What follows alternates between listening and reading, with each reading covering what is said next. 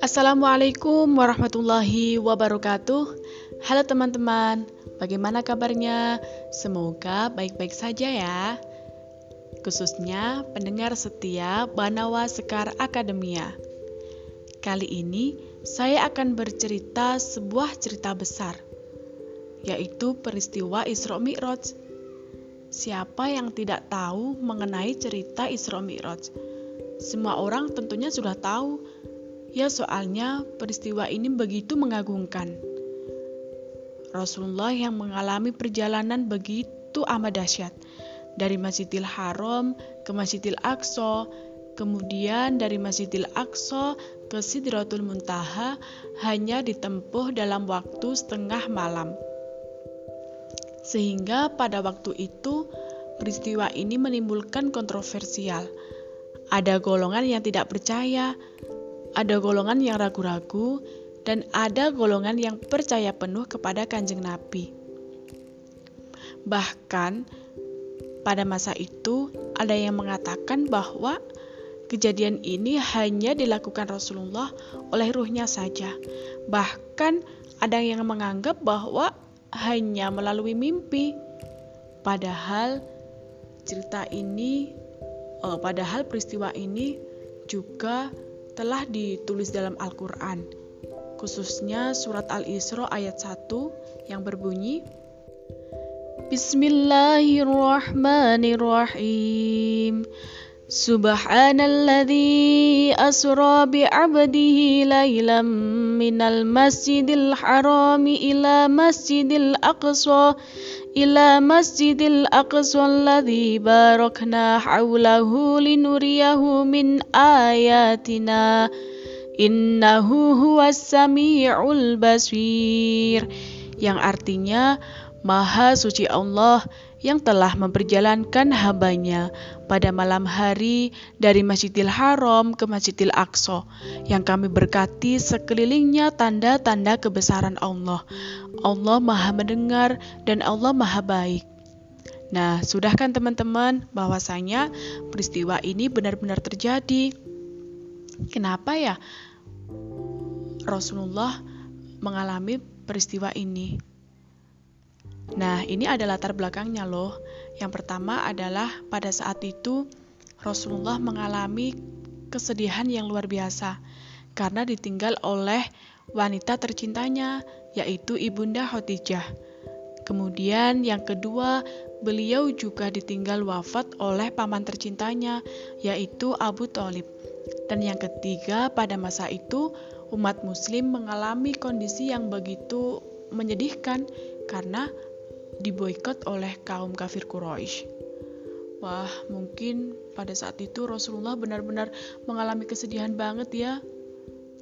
Makanya ada yang bilang bahwa dengan peristiwa ini Allah ingin menghibur dan ingin motivasi kembali kepada Rasulullah untuk berdakwah serta menunjukkan kebesarannya melalui peristiwa ini.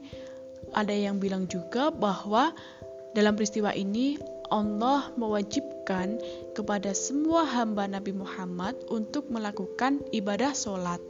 Ya, memang semuanya benar sih.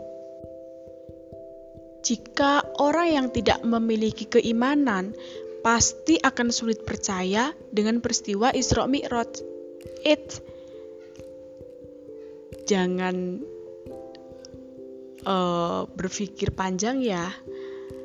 Tahu nggak sih Thomas Jamaluddin, seorang profesor riset astronomi astrofisika di Lembaga Penerbangan dan Antariksa Nasional itu mengatakan bahwa peristiwa Isra Mi'raj ini benar-benar terjadi. Bukan mimpi loh, dan bukan hanya sekedar ruhnya Nabi Muhammad saja, tapi ini benar-benar terjadi, real. Karena apa? Thomas mengatakan bahwa peristiwa Isra Mi'raj ini bisa difahami melalui pendekatan sains. Ya, beliau mengatakan bahwa perjalanan ini sudah keluar dari hukum ruang dan waktu sehingga Kanjeng Nabi tidak terikat dengan adanya waktu. Bahkan beliau mengatakan Dimensi yang digunakan oleh Rasulullah dalam perjalanan ini itu sudah melampaui dimensi alam semesta yang kita tempati ini. Sehingga dimensi Isra Mi'raj itu lebih tinggi daripada dimensi alam semesta yang kita tempati ini, yaitu tiga dimensi. Artinya, katanya Thomas bahwa dimensi tiga ini diibaratkan adalah sebuah garis yang berbentuk U. Kemudian apabila kita ingin keluar dari dimensi U ini harus melewati antara ujung ke ujung sehingga memerlukan waktu yang sangat panjang.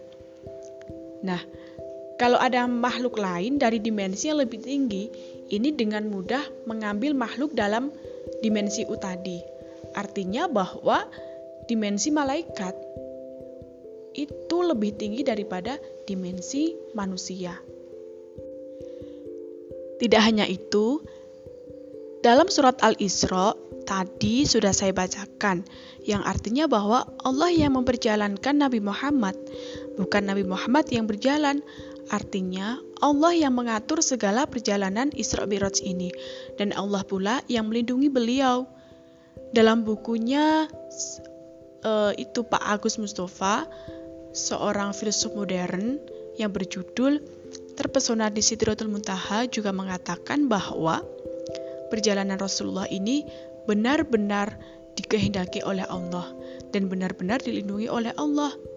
Karena memang beda dimensi dan juga perjalanannya ini uh, apa ya antar dimensi gitu loh Maksudnya dari dimensi 3 ke dimensi 4 ke dimensi 5 dan sebagainya.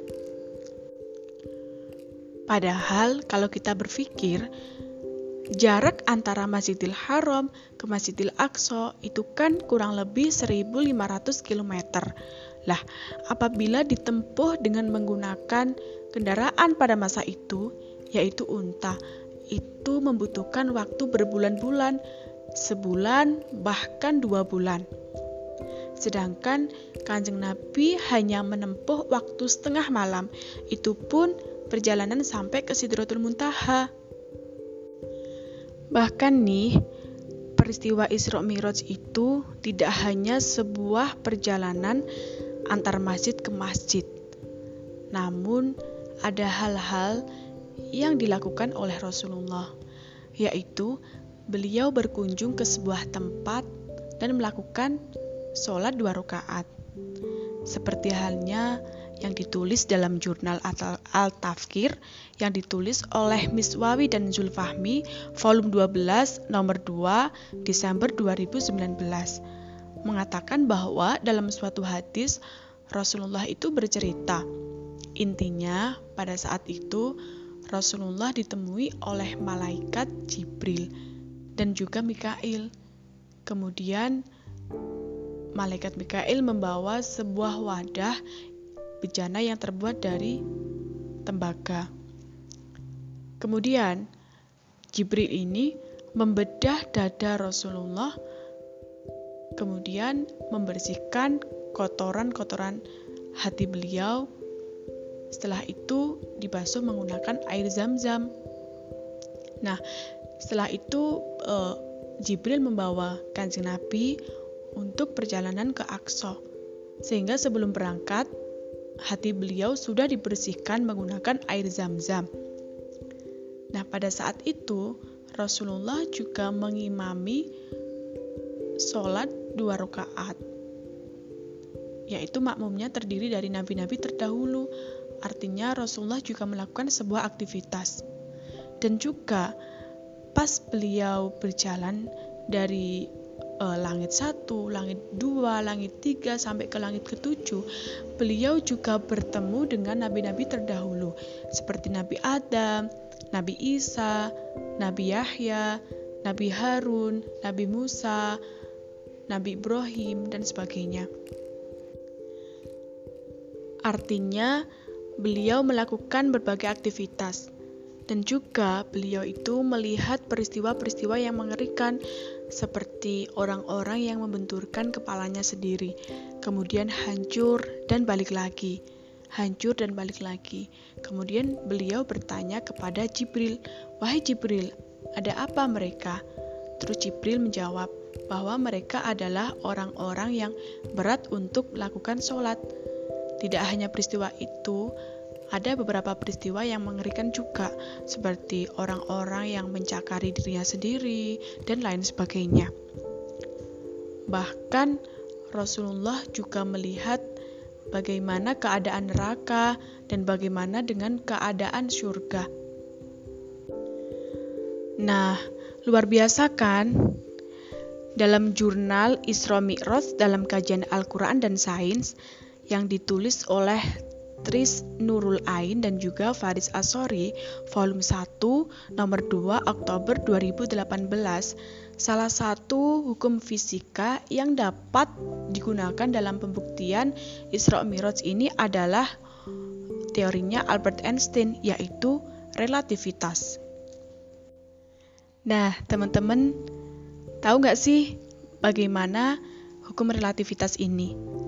Einstein mengatakan bahwa segala sesuatu itu tidak memiliki sifat tetap, tapi relatif dan mengalami perubahan. Ruang dan waktu adalah dimensi yang bisa dihitung dan juga bisa diukur. Nah, karena segala sesuatu itu relatif terhadap gerak dan kedudukannya termasuk waktu dan ruang, sehingga ada rumus yang dapat digunakan sebagai patokan, yaitu T1 sama dengan T per akar dari 1 dikurang V kuadrat per C kuadrat. T1 adalah waktu benda bergerak, T adalah waktu benda diam, V adalah kecepatan benda, dan C adalah kecepatan cahaya. Jadi, perbandingan nilai kecepatan suatu benda dengan kecepatan cahaya akan berpengaruh pada keadaan benda tersebut. Jika kecepatan benda dapat melampaui kecepatan cahaya, maka yang terjadi adalah benda tersebut kembali ke masa lalu, sebab waktu berjalan lebih lambat dari benda tersebut. Nah, jika ada orang yang menaiki suatu kendaraan dengan kecepatan mendekati kecepatan cahaya, maka ia akan men mengalami kemuluran, kemuluran waktu atau kelambatan. Sedangkan jika ada orang yang kecepatannya melebihi kecepatan cahaya, ini akan terjadi waktu minus. Artinya, dia bisa menuju ke masa lalu dan juga bisa menuju ke masa depan. Karena ya memang dia tidak terikat oleh waktu tadi. Keren gak sih? Bahkan pada masa itu, Albert Einstein juga dikatakan gila. Sebagaimana kanjeng Nabi juga dikatakan gila oleh orang-orang kafir Quraisy. Namun, karena teorinya Albert Einstein ini sudah dapat dibuktikan yaitu salah satunya pada partikel muon, maka orang-orang sudah percaya. Wah, gila banget ya. Sumpah bener-bener keren. Dan ini yang dinamakan oleh dilatasi waktu. Jadi, jika Rasulullah pada saat itu menaiki buruk dengan kecepatan yang sama dengan kecepatan cahaya, maka umur Rasulullah pun tidak bertambah dan tidak berkurang. Tapi umur di bumi dan penduduknya terus bertambah pada umumnya. Dan apabila kanjeng Nabi lebih cepat dari kecepatan cahaya, maka ia mengalami minus waktu. Nabi mundur ke belakang, artinya waktu di bumi melambat. Nabi mengalami segala kejadian di Mi'raj.